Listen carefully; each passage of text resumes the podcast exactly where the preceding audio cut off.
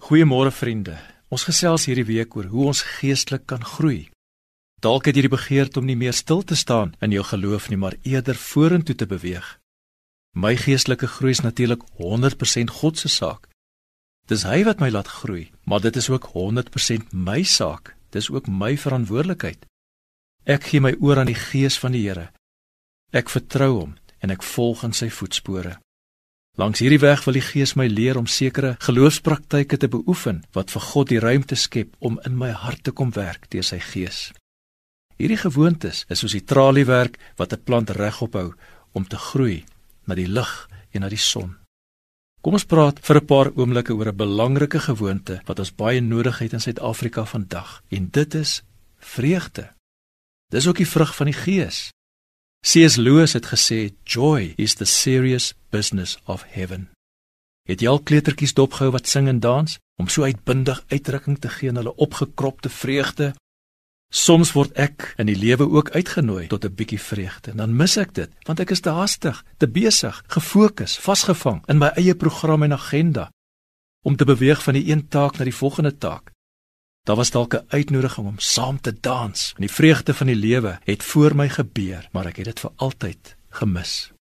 Jy sien beheptheid met myself is 'n groot struikelblok om vreugde te beleef.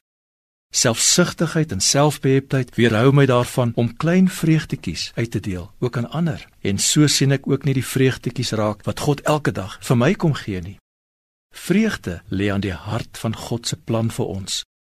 Vreugde lê aan die hart van God self. Ons vreugde en God se vreugde gaan hand aan hand.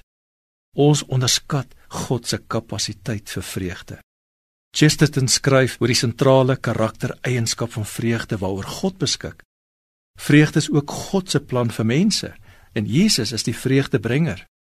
Die vreugde wat ons sien in die gelukkigste kind is maar net 'n fraksie van die vreugde wat in God se hart woon. God is die gelukkigste en die vreugdevolste wese in die ganse skepping. God ken ook droefheid, maar dis 'n tydelike reaksie op die gefalle wêreld. Dit sal ook finaal verdwyn wanneer hy sy koninkryk totaal herstel. Vreugde is God se basiese karakter. God se doel is dat sy skepping sy vreugde sal weerspieël. Dit is God se wil dat ons gevul sal wees met sy volkomme vreugde. Hy oordeel dat ons nie gelukkig genoeg is nie. To miss out on joy is to miss out on the reason for your existence. Dit sê Louis Smeets. Beoefen die geestelike gewoonte van vreugde. Die Here gee dit vir jou. Neem dit en leef daaruit vandag.